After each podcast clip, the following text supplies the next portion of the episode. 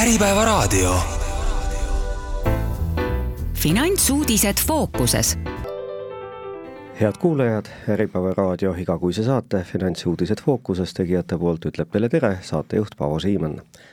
täna räägime, kuidas tehisintellekt ettevõtjate ja analüütikute tööd mõjutab. stuudios on andmeanalüütik ja õppejõud Indrek Sepo, tervist!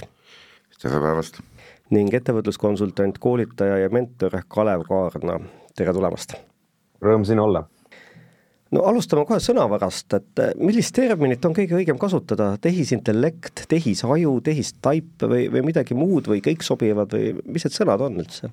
kõik kõlbab. et, et siin eesti keeles mulle meeldib see tehistaip ja, ja, ja tehisarv mulle meeldivad, aga tehisintellekt, tehistaip, tehisarv, ega siin mingisugust sisulist vahet ei ole, ütleme, ei ole, ei ole isegi nüansi vahet mitte. Kuidas vanaemale nüüd ära seletada, mis asi see tehistaip on? vanaemale ära seletada, mis on tehistaip, no vanaemale ütleks, et ta on selline, ta on selline tark vestluspartner, et tehistaipu tegelikult, eks me, eks me nimeta paljusid erinevaid asju tehistaipudeks, et täna, tänapäeval me mõtleme peamiselt siis neid juturoboteid, suuri keelemudeleid, mis on võimelised meiega arutlema etteantud teemadel täiesti intelligentselt. Kuidas nad selleni jõuavad, et ma saan aru, et nad lihtsalt panevad sõnu oma parima teadmise järgi ritta? no aga kas see inimene kuidagi teistmoodi teeb, et et eks me ikka paneme oma sõnu oma parima teadmise järgi, järgi ritta, et see, mis seal, mis seal taustal toimub, see on see on selline suur-suur must kast tegelikult. et tegelikult noh, ta on aju järgi ehitatud, me teame, kuidas iga üksik neuron töötab, kuid kui me paneme neid niimoodi miljardeid kokku omavahel, siis tekib midagi, mille kohta inglise keeles öeldakse merchant property või niisugune, kuidas eesti keeles võiks olla, merchant, see on siis välja kujunevad omadused, sellised uued omadused tekivad, tekivad täpselt nagu inimajus, nii ka, nii ka arvuti, noh, kui nii võib öelda, ajus, et tekivad sellised uued omadused, mis on hämmastavalt sarnased inimese mõtlemisvõimega. No võib-olla Indrek natuke ajaloost ka, et kuidas me nüüd tänasesse päeva oleme jõudnud, et kuidas see tehisaju arenema hakkas ja kuidas me siia oleme jõudnud, see, see loogika, tehis, ütleme närvivõrkude loogika, tavaliselt me nimetame närvivõrkude mudeleid, selleks tehisajuks. närvivõrkude loogika tegelikult on juba päris, päris vana, siin möödunud sajandi, sajandi algupoolest, algupoolest äh, pärit ja, ja möödunud sajandi jooksul olid mitmed korrad, kus sellest loodeti sellist läbimurret. järgnesid alati mida nimetati tehisintellekti talvedeks. et läbimurret ei tulnud ega tulnud, kuni ta siis saabus nüüd möödunud aastal sisuliselt et äh, möödunud aastal sellisena, et ta muutus inimestele päriselt kasutatavaks, igaühele kasutatavaks. Samal ajal noh, närvivõrkude mudelid on meid aidanud siin juba siin paarkümmend aastat erinevate ülesannete puhul, ma ise olen tegelenud ligi kümme aastat mudelitega, mis, mis on objekti tuvastusega tegelevad, ühesõnaga teevad vahet siin, kas tegemist on inimesega, kas tegemist on loomaga, kas tegemist on mingisuguse kolmanda, kolmanda objektiga, et sellised mudelid on juba mõnda aega kasutuses kas või, kas või meditsiinis, et leida, leida, leida vähkkasvajaid ja nii edasi, kuid jah, nüüd need suured keelemudelid, millega on võimalik igalühel meist suhelda ja, ja mis on hästi lihtsaks, mille kasutamine tehtud, see on nüüd, need on nüüd umbes aasta aega vanad sellest ajast, kui, kui nad muutusid kasutatavaks. loomulikult on neil ajalugu, loomulikult äh, oli varem, oli, oli, oli katsetusi, oli intellektuaalselt huvitavaid tulemusi, kuid kasulikuks tõepoolest on nad muutunud alles viimasel ajal. no härra, mis teie praegune kogemus selle tehistaibuga on, et äh, Kalev? Noh, mina olen selline mm, amatöörkasutaja, kes äh, nii palju on siis teinud, et ma olen selle tasulise chat-GPT endale ostnud ja Midjourney ka, millega ma siis natuke mängin. ja andes võib-olla kõige lihtsamat äh, asja, et äh, üllataval kombel chat-GPT on eesti keeles päris hea, et siis näiteks kui mul äh, tütar, kes äh, õppis üheksandas klassis, äh, tal oli vaja keemiaülesannet lahendada, et siis toksisin selle keemiaülesande sinna sisse, sest ega mina ei mäletanud, kuidas neid valemeid seal kokku peab lööma. ja siis ta selgitas mulle ära, et kuidas ma oma tütart õpetada saaksin, et kuidas seda keemiaülesannet nagu lahendada ilusas selges eesti keeles. ja et noh, siuksed lihtsad asjad, et kui sul on vaja ideid genereerida ja öelda, et kuule, et äh, mul oleks vaja kirjutada üks väike firma kohta üks sihuke artikkel. tahaksin sellele head pealkirja, et ma ise mõtlesin sihukest pealkirja, et paku mulle kümme alternatiivi, et noh, siis selles on ta super hea ja enamasti ma ei võta ühtegi sellest, mis ta sinna kümnest pakub, aga ma kombineerin ühte või teist nendest. et sellist ideede genereerimiseks postituste juurde mingite piltide äh, genereerimiseks, äh, mis siis Midjourney't kasutan, nüüd siis chat-GPT-l on ka pildivõimekus ka varsti tulemas selle. juba kohal, juba kohal, kas juba, juba kohal. eile, eile vaatasin, eile avastasin Eil..., et on olemas. Jah, ma ei ole veel, ma, ma ootasin, aga et no nüüd on olemas, et siis äh, saab sellega juba neid pilte paremini teha kui, kui Midjourney, et siukseid asju, lihtsaid asju sellega nagu saab teha ja et me võib-olla jõuame sinna hiljem ka, aga et minu jaoks on kõige huvitavam see, et sa saad lasta tal ka erinevaid strateegia tööriistu kasutada oma firma peal, et öelda, et äh, Sinise ookeani strateegia, räägi mulle ära, mis see on ja kuidas seda minu firma peal kasutada. SWOT analüüs, räägi mulle ära, mis asi see on, kuidas seda minu firma peal kasutada, küsi minu käest küsimusi, et ma annaksin sulle sisendinfo ja koosta mulle SWOT analüüsi, et äh, siukseid asju, et ta saab olla sinule sihuke sparringupartner erinevate äh, mõtlemismudelite puhul, et, et see on nagu super äge. sa mainisid siin muuseas seda, et ta eesti keelt oskab hästi, ma nüüd tahan, tahan siin kuulajatele ütelda, et, et chat-GPT neli tasuline versioon on ära õppinud eesti ja. keele väga hästi. et ja. tasuta versiooni ja. puhul ma soovitan alati kasutada inglise keelt, ta saab küll eesti keelega kuidagimoodi hakkama, aga kvaliteet on oluliselt kehvem kui inglise keeles suhelda, isegi kehvas inglise keeles, bad english siis temaga, temaga suhelda tasulisel versioonil tõepoolest on see huvitav asi, et kuigi ta on treenitud täpselt samade andmete pealt, mis tasuta versioon, on see mudel niivõrd palju parem, et ta on vahelduseks ära õppinud eesti keele. Ja suhtleb tõesti, tõesti päris vabalt, üksikute, üksikute vigadega suhtleb eesti keeles. milleks sina, Indrek, kasutad? eks ma samasuguste asjade jaoks, noh üks, üks asi veel, et ma olen, ma olen andmeanalüütik nagu mu lapsed ütlevad, issi teeb numbritest pilte, mis on üsna täp-, üsna täpne kirjeldus, et numbrid tulevad sisse, graafikud tulevad välja, kuid seal vahepeal on siis omajagu koodi kirjutamist ja, ja ta kirjutab, ta on õppinud ära programmeerimiskeeled enam levinud, nii et ta kirjutab mul ka noh, ma julgen öelda kümme, kakskümmend protsenti minu, minu, minu, minu koodist aga mina saan aru, et ega tehistaip ei ole ainult chat-GPT, et, et ma näen ikka, et neid tööriistu on kümnete kaupa, et, et mida veel võiks juba teada? chat-GPT on see, mis selle, see osa tehistaibust, mis on nüüd praegu ütleme niisugusele keskmise inimese poole, poole pööratud. see on selline, see on selline asi, mida igaüks meist saab kasutada, mis ma,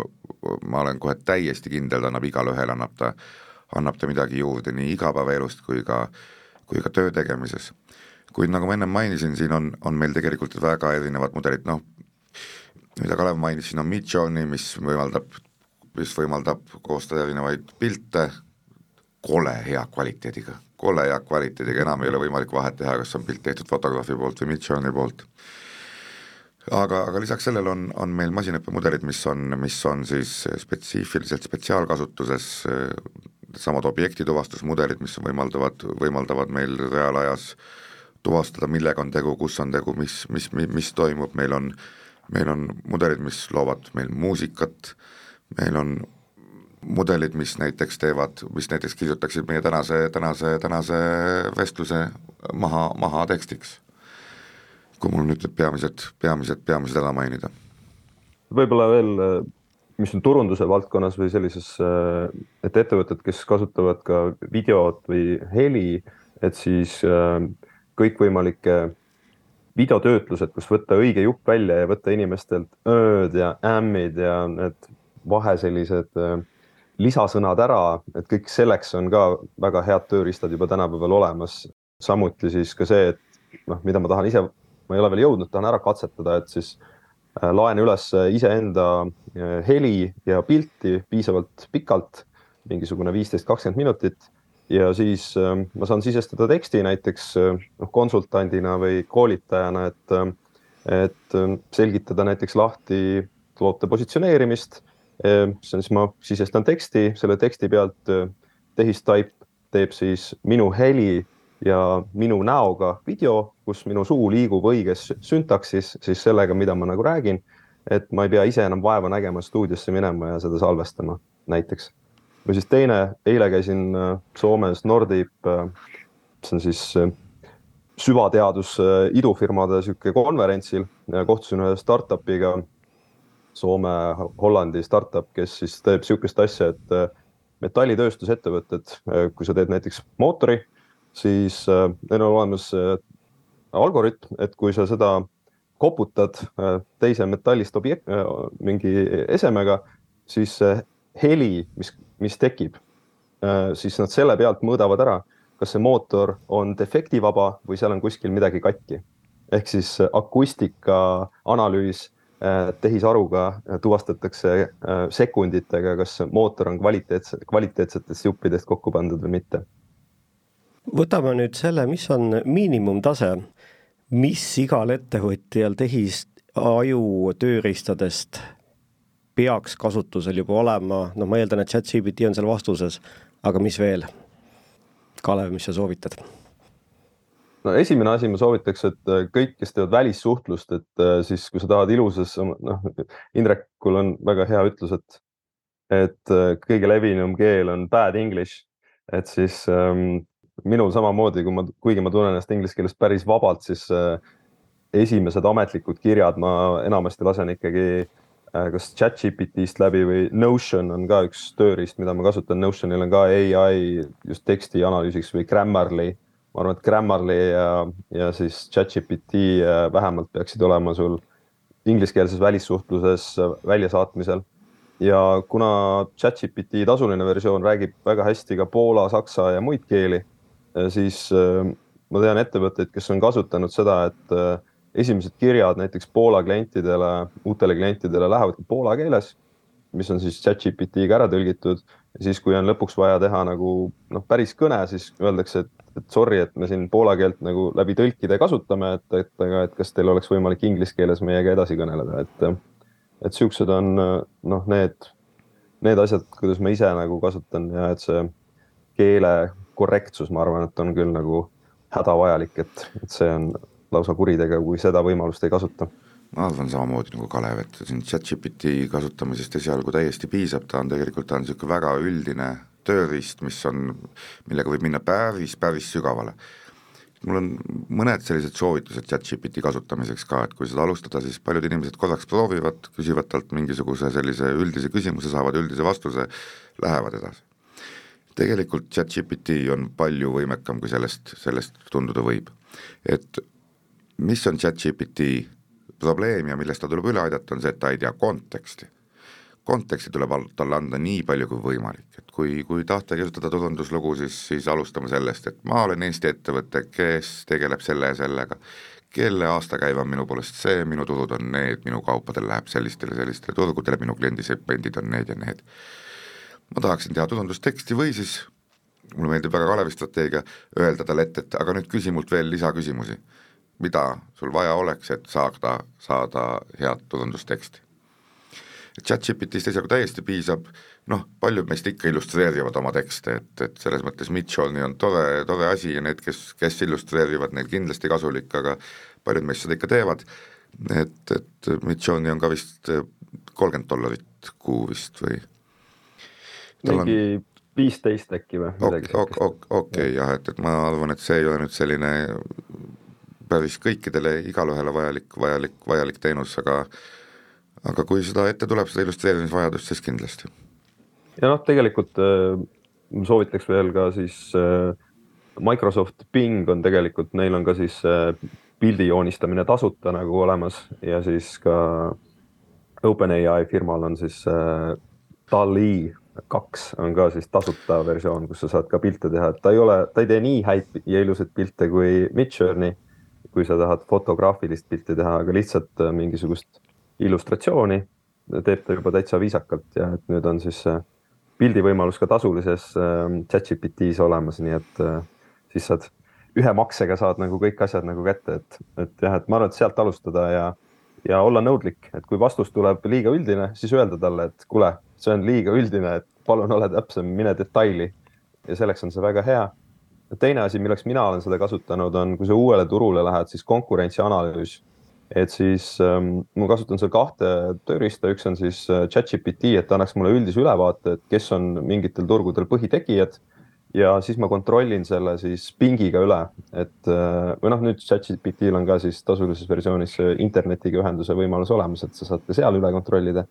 sellepärast, et ChatGPT ikkagi hallutseneerib natukene, et ta võib sulle välja mõelda konkurente, keda päriselt ei ole olemas. jah, sellega, seda ma tahan ka rõhutada, et sellega tuleb veidike harjuda, selle hallutseneerimisega, et aru saada, millal ta hallutseneerib, millal ta ei hallutseneeri, fakti küsimust, ta tihtipeale kipub hallutseneerima, veidikene tuleb harjutada. see on nüüd praegu üks asi, mis ma tahan rõhutada, on see, et täna ChatGPT veel ei asenda inimest. mida ta teeb kolme aasta pärast, ma ei julge öelda, aga täna ta veel ei asenda, täna ta võimendab inimest et see valdkond, milles me tahame midagi, tema abi, me peame sellest valdkonnast midagi teadma, me ei saa öelda, et chat-GPT, sina oled nüüd minu turundusjuht ja, ja hakka, hakka tee mulle turundusplaanid ja asjad. aga ta võimendab meie turundusjuhti, kes saab oma töös seda oluliselt kasutada, kes saab seda kasutada, aga aga täna peab inimene ikkagi aru saama, kui ta kui jama hakkab ajama, chat-GPT-le hirmsasti meeldib vastata, ta vastab, ta vastab alati, kas ta teab vastust või ei tea. ja see ja see, ja see, ja ta kipub hallutseneerima, nüüd jällegi tasuline versioon veidike vähem kui tasuta versioon, aga aga siiski, siiski ta hallutseneerib. aga miks ta hallutseneerib, et noh, kui mul nagu oleks kolleeg, reaalne kolleeg, kes siin päevast päeva hallutseneerib, siis arvatavasti me varsti enam ei oleks kolleegid, et see on, see on hea küsimus, miks ta hallutseneerib, et see on jälle mingisugune omadus sellel mudelil, mis, mis tekkis, ega keegi seda ette ei näinud, ma usun, et see on laste haigus, ma usun, et see kaob ära varsti, miks ta seda teeb, seda nagu ma ütlesin, need suured keelemudelid, üldse näidavõrkude mudelid, need on mustad kastid. igat tükki me teame, kuidas töötab, kõik kokku töötab niimoodi, nagu, nagu välja tuleb, nagu ta töötab, et me ise ka vaatame, imestame, et arendajatena. võib-olla noh, minu Indrekuga nõus, et äh, täna ka Sam Altman, kes on OpenAI juht, et äh, tema ka ütleb, et ega me täpselt ei tea, miks see chat-GPT nii hästi töötab või kehvasti töötab ja aga nad on järjest paremaks läinud, et selle äh, juhtida teda sinna, et kui sa kirjutad sisse, et ütle mulle, kuidas panka röövida, et siis ta sellele enam ei vasta, ütleb, et kahjuks ma ei saa sellele küsimusele vastata. jah, siis tuleb ei... ka tuleb kavalamalt küsida, et jo, yeah. et tee mulle filmi stsenaarium, kus röövitakse panka ja siis ta ikka kirjeldab seda ilusasti, see on see tuntud, tuntud näide on see, et, et ütle mulle, kust ma saaksin tõmmata piraatfilme, chat-GPT ütleb, et ei, aga sa piraatfilme küll tõmba ja kuidas see siis oli, et keegi siis palus öelda, et aga anna mulle siis need saidid, mida ma külastada ei tohiks ja tulid kõik järjest no ma saan aru, et see küsimuste, küsimuste küsimise oskus on väga oluline, et äh, andke mõned juhised, et kuidas õigesti või hästi küsimusi küsida, et kuhugi välja ka jõuaks mõistliku aja jooksul. kontekst, kontekst, kontekst. no üks on seesama, et jah, mida Indrek juba ütles, et äh, anna nii palju ette, kui sa oskad ja siis äh, jah, lihtsam trikk, mida mina olen kasutanud, et ütlegi talle, et, et kuule, et ma tahan äh, sinult saada selle kohta nõu, aita mul teha selline tekst või äh, aita mul läbi mõelda, aita otsustada seda või teist. et äh, küsi minult küsimusi lisainfo kohta, et mida sul vaja on selleks, et otsustada, et see, see on üks asi ja teine, mida kasutatakse, on, et kui sa näiteks tahad LinkedIni postitust teha, siis ütled talle, et annad talle rolli ette. et äh, võta roll, et sa oled LinkedIni ekspert, kellel on kakskümmend aastat eh, LinkedIni postituste kirjutamise kogemust ja anna mulle nüüd nõu, et siis see tundub ka, et eh, aitab, et kui sa annad talle ette, et ole nüüd strateegiakonsultant, kellel on kakskümmend aastat kogemust, anna mulle nõu, kuidas ma SWOT analüüsi peaksin oma firma jaoks tegema, nii et sellest kasu ka oleks. või ole näiteks, ole finantsekspert Paavo, kellel on ilgelt pikalt kogemust, et äh, aita, aita mul nagu teha oma finantsanalüüsi, on ju. et mida, mis numbreid, KPI-sid, mõõdikuid peaksin nagu vaatama. et need on võib-olla siuksed noh, mingid lihtsad nipid ja ma soovitan kindlasti, Indrekul on päris vahvad äh, Facebooki grupis äh, videod selle kohta, kuidas nullist pihta hakata. Et, Youtube'is jah, Youtube'is, mul on, mul on Youtube'is, Youtube'is on mul video chat GPT üle neljakümnestele, aga, aga seda võivad vaadata ka nooremad, kui nad suudavad tempot hoida? Minul on näiteks kogemus olnud, et ma saan aru, et ma satun klienditeenindaja asemel kellegi vestluspartneri, virtuaalse vestluspartneri juurde ja ma pean tunnistama, et mul ikka sageli on lõppenud see, et ma kirjutan sinna, et palun saada mu probleem edasi inimesele, sest võib-olla see on sellepärast, et noh, kui mul probleem tekib, siis see tavaliselt niisugune, mis nupule ma pean vajutama stiilis probleem ei ole, et aga ma pean tunnistama, ma olen kohati nagu pahaseks saanud selle peale, et mis te raiskate mu aega, et inimene oleks selle asja juba ammu ära lahendanud no,. et siin on oht see, et sa oled sattunud möödunud põlvkonna tehnoloogia otsa et tänapäeval, tänapäeval see läheb aina paremaks ja, ja ma olen üsna kindel, et siin paari aasta jooksul enam ei tee sa vahet seda, kas sa satud inimese otsa või, või noh, kui, kui, kui vähegi andmed on olemas, andmed on olemas andmebaasis. et chat-GPT ikkagi on täiesti murranguline tehnoloogia selles suhtes, et, et et ma usun, et mida ta, mida ta on teinud, ta on muutnud kõik vanad chatbotid või jutu, juturobotid, nad on muutunud täiesti vananenuks ta on kvalitatiivselt parem, ta on võimeline, ta on võimeline täiesti kvaliteetset äh, kasutajakogemust pakkuma. ja võib-olla üks probleem on ka veel selles, et ettevõtted ei ole jõudnud oma, need, kes ka kasutavad chat GPT laadseid juturoboteid, et nad ei ole jõudnud oma andmebaase uuendada kõikvõimalike äh, väga harva ette tulevate probleemidega, et siis sellel vaesel chat, chat'i robotil ei olegi sulle vastust võtta, sellepärast et see ettevõte pole talle sinna seda ette kirjutanud, et mis sellisel haruldasel juhul tegema peaks. ja siis tõepoolest on noh, ettevõttel ka jah, mõtlemise koht, et kuidas siis sellesse protsessi inimene nagu lisada õigel hetkel, et sinu kui kasutajal oleks nagu mugav tunne. ja, aga lihtsalt sulle Paavoga näiteks, et on niisugune raamat nagu Tech Powered Sales mis tuli välja aastal kakskümmend üks, et äh, tollel hetkel äh, oli siis meil ChatGPT kolm punkt null, polnud isegi kolm punkt viite. ja juba tollel hetkel olid siis siuksed USA firmad, kes teevad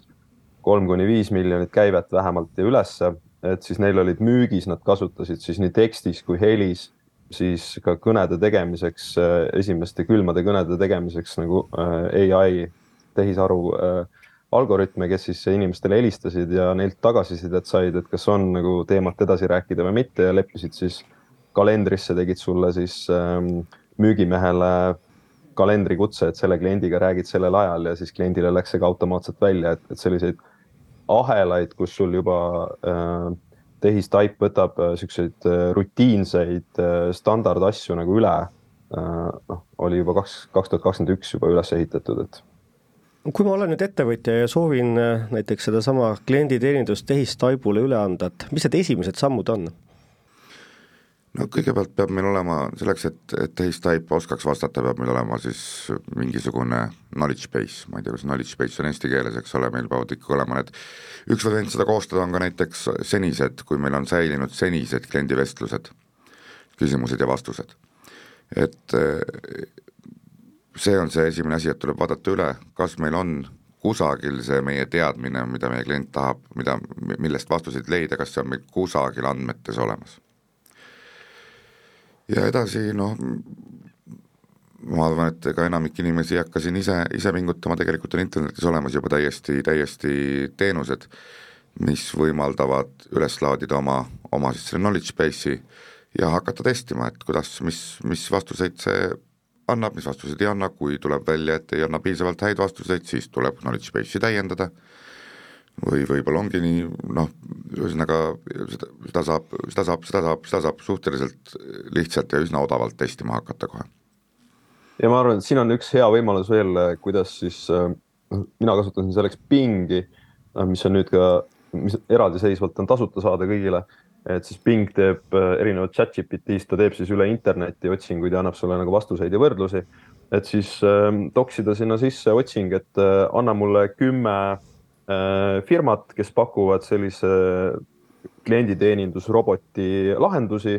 äh, ja anna mulle siis nende noh mm,, nende siis hinnakiri, et kui palju see kuutasu on erinevatel äh, ja too mulle välja põhilised võrdlused või erinevused, et mille poolest nad siis nagu erinevad. Ja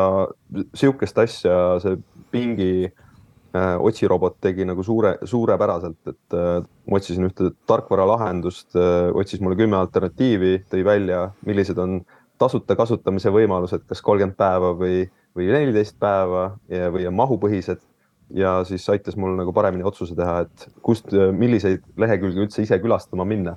et äh, asi, mis mul muidu oleks võtnud kümne erineva firma otsimine oleks võtnud mingi pool tundi, tund aega, oli mul nagu viie minutiga tehtud, et, et see on nagu noh, aja kokkuhoid on nagu väga-väga jõhker. nii et ma saan aru, et Bing võtab värske info, aga chat-GPT olemasolevad versioonid on minu arusaamist mööda kuskil kahe aasta vanused seal on chat-GPT tasulises versioonis on nüüd ka see pingi võimalus nagu olemas, aga et kui sul nagu ei ole seda tasulist, et siis see pingi nii-öelda avalik versioon on kõigile kättesaadav. siin on siiski väikene vahe, et jah, chat-GPT on treenitud varasema info, informatsiooni peal, ülejäänud peab talle kontekstiks ette andma ja ka ping nüüd, kui ta nüüd uut infot otsib, siis ta siiski ta noh, ta ei käi läbi kogu olemasolevat maailma informatsiooni, ta leiab mingisuguse lehe, millest ta siis oskab meile kokkuvõtte teha näiteks. Et, et, et pingi, pingi see nii-öelda see mootor, mis seal all on, no täpselt samamoodi chat GPT, mis, mis võimaldab siis nagu niisuguseid kokkuvõtteid teha lehtedest ja nii edasi. nii et on ikkagi risk, et ma võin olulisest infost ilma jääda? tal ei ole jah, ta, tal ei ole nagu kogu maailma, kogu maailma infot koos, ta on ikkagi otsingumootor, mis siis mõnedest leitud lehtedest teeb meile kokkuvõtte. aga Google on ka otsingumootor, et Google on otsingumootor eelmise põlvkonna oma ja siin on võib-olla üks asi, mida ma hoiataks, et äh, Google'il on ka siis äh, oma tehisaru otsing äh, Bard ja selle Bardi probleem on see, et ta teeb mõlemat korraga. sa kunagi ei tea, kumba ta teeb, kas ta hallutsineerib sulle vastust või ta otsib internetist. et tuues ühe näite, et siis ma otsisin ühe Skandinaavia idufirmade kiirendi kohta infot ja siis ma proovisin, mõtlesin, et kasutan Bardi, et palun ütle mulle, et kes seal olid kakskümmend startup'i viimases kohordis. pani mulle ilusti, reastas ära, ütlesin, et väga tore. nüüd palun pane mulle, et mis riikidest need olid, tee mulle tabel, tegi mulle tabeli, väga tore, lingid juures. ja siis küsisin ta käest, et kes on olnud kõige edukam seni selle, selle startup kiirendi siis startup ja siis ta ütles, et vot üks Aafrika startup on edukas sellepärast, et äh, läksid siis äh, Nigeeria börsile. Ja siis ma küsisin ta käest, et palju on siis turukapitalisatsioon ja, ja mis hinnaga ja nii edasi. Ja siis ta kõik andis mulle need äh, aktsiahinnad ja värgid ja särgid ja siis ma läksin päriselt Nigeeria börsile kontrollima ja niisugust firmat pole mitte kunagi olnud ja seda pole mitte kunagi börsile viidud, et kogu see info oli hallutsineeritud. et see, mis oli noh, päris info, et need kakskümmend firmat, kes olid viimases kohordis, oli päris aga kõik muu jutt oli hallutsineeritud, et siis pardi ma küll ei, ei julge kasutada enam, et äh, see on, ma ei saa aru, kumba ta teeb, et kui äh, chat-GPT-ga ja pingiga on väga selge, et üks summeerib, ping summeerib mul siis internetiotsinguid ilusaks kokkuvõtteks ja, ja chat-GPT siis oma andmebaasi pealt äh, mõtleb välja mulle asju äh,, siis jah, pardi puhul sa kunagi ei tea, mida sa saad. nii et ping on kõige reaalelulisema infoga ja, ja pardi puhul on päevad erinevad. jah see kõik on, see kõik on tehnoloogia, selle uue, uue tehnoloogia lastehaigused, et, et, et mm -hmm. need arenevad kiiresti ja tänase seisuga jah, on chat-GPT on kunn, ta on parem kui teised, tal on ka probleemid, teised on kehvemad, mis juhtub järgmine nädal või kahe kuu pärast, vot seda ma ei julge öelda. ja siin on ka viimased trendid on, et just lugesin, et suur ülevaade, mis kokku pandi tarkade onude poolt, et äh, lisaks äh, suurtele keeltemudelitele on ka nüüd nii-öelda large language models, siis on ka small language models, mis on siis väga spetsiifilistele äh, rakendustele ja seal nad löövad sedasama chat-GPT-d kõvasti, sellepärast et nad on just spetsiaalselt treenitud mingi konkreetse ülesande tegemiseks. ja ma arvan, et selliseid kunne erinevates valdkondades hakkab meil tekkima päris kõvasti nüüd varsti no sina, Indrek, oled andmeanalüütik, et äh, ole hea, selgita siis, mis vahe on tehtud sinu poolt koostatud analüüside ja tehisaju poolt koostatud analüüside vahel? täna ma olen veel parem, aga, aga mul on, aga mul on, mul on, mul on tõsine kahtlus, kas ma olen seda, seda paari aasta pärast. et tehisintellekt liigub ikka väga kiirete sammudega minu, minu tööalale andmeanalüütik, eks ole, ta on tõlk, ta tõlgib inimeste küsimusi andmete keelde, andmete poolt antud vastuseid tagasi inimeste keelde. nüüd tehisintellekt kipub olema sellises tõlkimise töös kole-kole hea ja ega ta kehvemaks enam muutuma ei hakka. et täna ma olen mänginud tal küll, lasknud tal teha automaatselt oma andmetega analüüse, ta ikka kipub veel eksima, aga ta, ta kuidas nüüd öelda, mõtleb õiges suunas. mõtleb, mõtleb sellisel viisil, nagu mina ütlesin, nagu, nagu ma ise mõtlen. Et, et, et tulevikus ma arvan, et minusuguste tööd jääb oluliselt vähemaks, piisab sellest, kui inimene oskab, kui tal on inimesel on andmed ja ta oskab nende andmete kohta mingisuguseid sisulisi küsimusi küsida ja tehisintellekt tõlgib, tõlgib need küsimused andmetesse ja andmetest antud vastused inimesele sa tahad öelda, et siis andmeanalüütikuks ei tasu enam õppida või? või siis igaüks peaks õppima natuke andmeanalüütikuks? No andmeanalüütik, no ma ütlen üldse, et, et mis, et siin, siin on, mul läks lapsepõlve esimesse klassi ja, ja kole keeruline, kole keeruline on mõelda, mis need oskused on nüüd tehisintellekti ajastul, mis on need olulised oskused, mida, mida õppida täna veel tehisintellekt võimendab mind, ta, ta, minu andmeanalüütiku taust võimaldab mul teha paremat tööd tehisintellektiga koos. mida tehisintellekt teeb viie aasta pärast, kolme aasta pärast juba väga raske on ennustada, et, et, et missugust, mis, mis on need oskused, mis, mis jäävad ja mis on need oskused, mida tehisintellekt hakkab vaikselt endale võtma. kuidas sa tehisintellekti kasutad, mis sa teed siis, et no ma kasutan spetsiifilisteks, spetsiifilisteks vajadusteks, eks ma olen, eks ma olen andmeanalüüsi õppejõud ja, ja minu noh, õpetan sedasama koodi kirjutamist, nii et eks ma suudan seda suhteliselt kinnisilmi kirjutada, aga teinekord on vaja teha midagi, mida ma teinud ei ole siin nüüd paari aasta jooksul ja ma lasen, ütlen chat-GPT-le, mida ma tahan, et see kood teeks, ta kirjutab mulle kohe esmase koodi valmis, vaatan peale, kas sobib, ei sobi ja läheb töösse. Aga chat-GPT-l on nüüd, nüüd, nüüd on täiesti uus, uus noh, paar kuud vana funktsionaalsus, see on siis advanced data analysis, mis on võimeline juba lihtsamaid andmeanalüüse ise tegema. et tuleb lihtsalt üles laadida sinna siis, siis andmestik, olgu ta Exceli formaadis või CSV formaadis, ja hakata küsimusi küsima. jällegi ta põhimõtteliselt on võimeline mingil määral hallutsineerima, kuid ma soovitan seda proovida, kui teil on mingisugused veidikene lihtsamad andmed, mitte väga keerulise struktuuriga andmed, et ta kirjutab, mida ta teeb, seal ta kirjutab Pythoni programmi, mis siis neid analüüsib ja siis ta interpreteerib selle programmi antud vastuste tulemusi teile. ta teeb ka graafikuid, teeb, teeb, teeb mitmeid, ta liigub õiges suunas, ütleme nii, ja, ja lihtsamad ülesanded lahendab juba täna ära. sa kontrollid need järeldused üle ka või? tuleb, tuleb, tuleb kaine peaga peale vaadata neile korraks jah, et ma olen, ma olen huvi pärast lasknud siis oma veidikene keerulisemaid ülesandeid tal lahendada. Ja ta oskab ikka teha, ta oskab ikka päris rumalusi ka teha, et leiab negatiivsed osakaalud ja sellised asjad, et ja siis ta ise saab aru ka, et ta lollust teeb ja siis jääb, jääb veidikene niisugust ringi ratast käima, et oot-oot-oot, ei, see ei saa ikka olla ja, ja paneb, paneb, paneb muudkui edasi, aga tulemuseni ei jõuagi. aga jällegi, see on esimene versioon sellest tarkvarast mis saab olema järgmised versioonid, ma hoiaksin seal silma peal küll juba, juba täna, et. Kalev. võib-olla jah, üks näide, lihtne näide startup maailmast, et äh, tegin äh, koolitust äh, varajases faasis äh, finantsvaldkonna startup idele ja siis me tegime niisuguse harjutuse, kus ma kasutasin ka chat-GPT-d, et äh, just sedasama, mida Indrek mainis, äh, seda funktsiooni, kus ta siis oskab arvutada ka. et ähm, andsime siis ette, et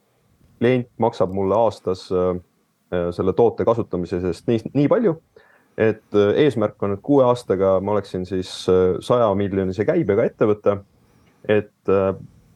loogika on see, et esimesel kahel aastal kasvan kolm korda, viimasel neljal aastal kaks korda iga aasta. et arvuta mulle palun välja, et mitut klienti mul vaja on nüüd arvuta, et mul on üks protsent churn'i ehk siis kliente kaob ära üks protsent aastas, nad ei kasuta enam mind. arvuta mulle välja kui mul on churn on viis protsenti ja palun tee kõik see tabelisse. ja see oli nagu ülikasulik harjutus nendele startup idele, nad nägid ära, et äh, kui ruttu nad peavad jooksma hakkama, et äh, sellises äh, nii-öelda investorite poolt soovitud graafikus püsida, mitut klienti neil päriselt vaja on juba esimese aasta lõpuks. Ja et kui hull probleem nagu nende äris tegelikult on see, et et sul viis protsenti klientidest järgmine aasta enam ei uuenda lepingut, on ju. et selleks sihukesteks lihtsateks noh, asjadeks sobib see ana analüütika pool ka suurepäraselt. mul on, mul on samasugune näide, tuli minu juurde üks startup, neil oli kliendi küsimustik, küsim-, küsit-, küsitlus, palusid mul seda analüüsida. selle asemel, et seda analüüsida, näitasime neile, kuidas ChatGPT neljas Advanced Data Analytics töötab, said selle ise kenasti tehtud, et see juba võtab andmeanalüütikutel tööd ära. Aga Indrek, ma küsiks su käest, et mis need esimesed sammud või nipid seal olid, et mul on mingid kliendi küsimustik, et nad panid seal meeldib, ei meeldi, on mingil skaalal valinud mingeid asju, mingit äh, net promoter score'i mulle pannud seal ja midagi veel, et äh, mida sa soovitad seal, mis need esimesed käsuread nagu on sellele chat GPT-le? see on, see on, ta on, lase tal ennast üllatada, küsi, mis on mu andmetes huvitavat. Mm. Laed andmed ülesse ja ta hakkab kõigepealt, ta teebki lihtsamad analüüsid ära, et ta annab sulle ülevaate nendest küsimuste jaotustest ja nii edasi. Mm, siis küsi, et no aga kui vaadata nüüd korrelatsioone, siis kas sealt tuleb midagi mm. huvitavat välja. Ja ta hakkab, hakkab ütlema, et kui need vastused ei ole kodeeritud niimoodi null-üks ja no ühesõnaga mm -hmm. ta on arusaadavalt talle kodeeritud, siis tegelikult ta suudab ka interpreteerida neid tulemusi ja panna need konteksti. no kuidas ta andmekvaliteeti hindab, et kas ta protesteerib ka, et äh, andmekvaliteet on kehva, et ei ole mõtet seda analüüsi teha või ta teeb selle igal juhul ära? ei, ta veel ei, ta täna ei, täna väga ei protesteeri, et ta ikka, ta ei ole ikka päris noh, no ütleme, ta veel päris sellise ülikooliharidusega andme, andmeteadlase tasemel ta veel ei ole. aga et ta neid selliseid nüansse ta ikkagi ei oska veel avastada iseseisvalt ja aga, aga, aga, aga see ei tähenda, et ta kasutatav ei oleks aga kas äh, näiteks pangad võiksid kasutusele võtta näiteks laenuanalüütikud, et laenutaotleja ettevõte saadab oma finantsaruanded, oma laenusoovi jutu ka juurde ja ja siis ta annab soovituse, et äh, kas võiks laenu anda, kui palju, mida tagatiseks küsida või, või ikkagi seda on veel liiga palju?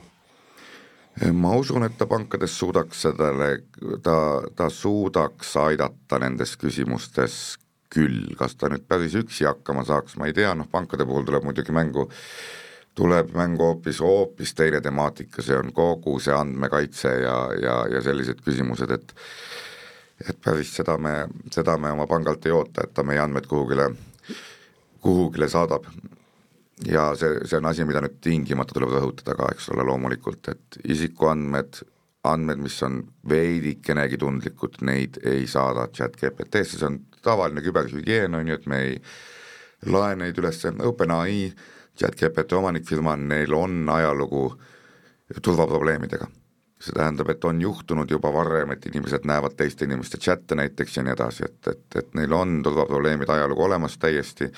et oleme ettevaatlikud alati selliste asjadega, nagu on, nagu on isikuandmed, tundlikud andmed, kõik need, neid ei saada, ei saada kuskile ülesse, mitte ainult chat GPT-sse, vaid ka minu poolest kas või Google'isse või kuhu iganes, et, et kuidas ma saan seadistustes olla nagu tähelepanelik, et äh, minu andmeid ei kasutataks treenimisel äh,, ei saa välja küsida keegi teine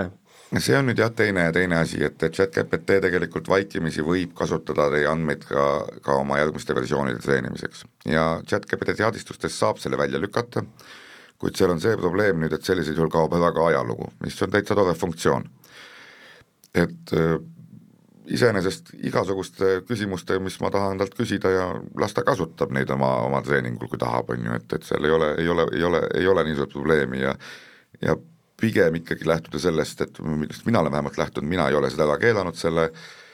minu, minu mitte andmete, vaid minu küsimuste ja vastuste kasutamist treenimisel, ma lihtsalt ei pane sinna selliseid andmeid, mida ma ei tahaks, et minu käest välja läheks. täpselt nii, et samamoodi Super Angelis, kui me, siis me sinna ei laadinud näiteks äh, firmade väärtusi ja muid siukseid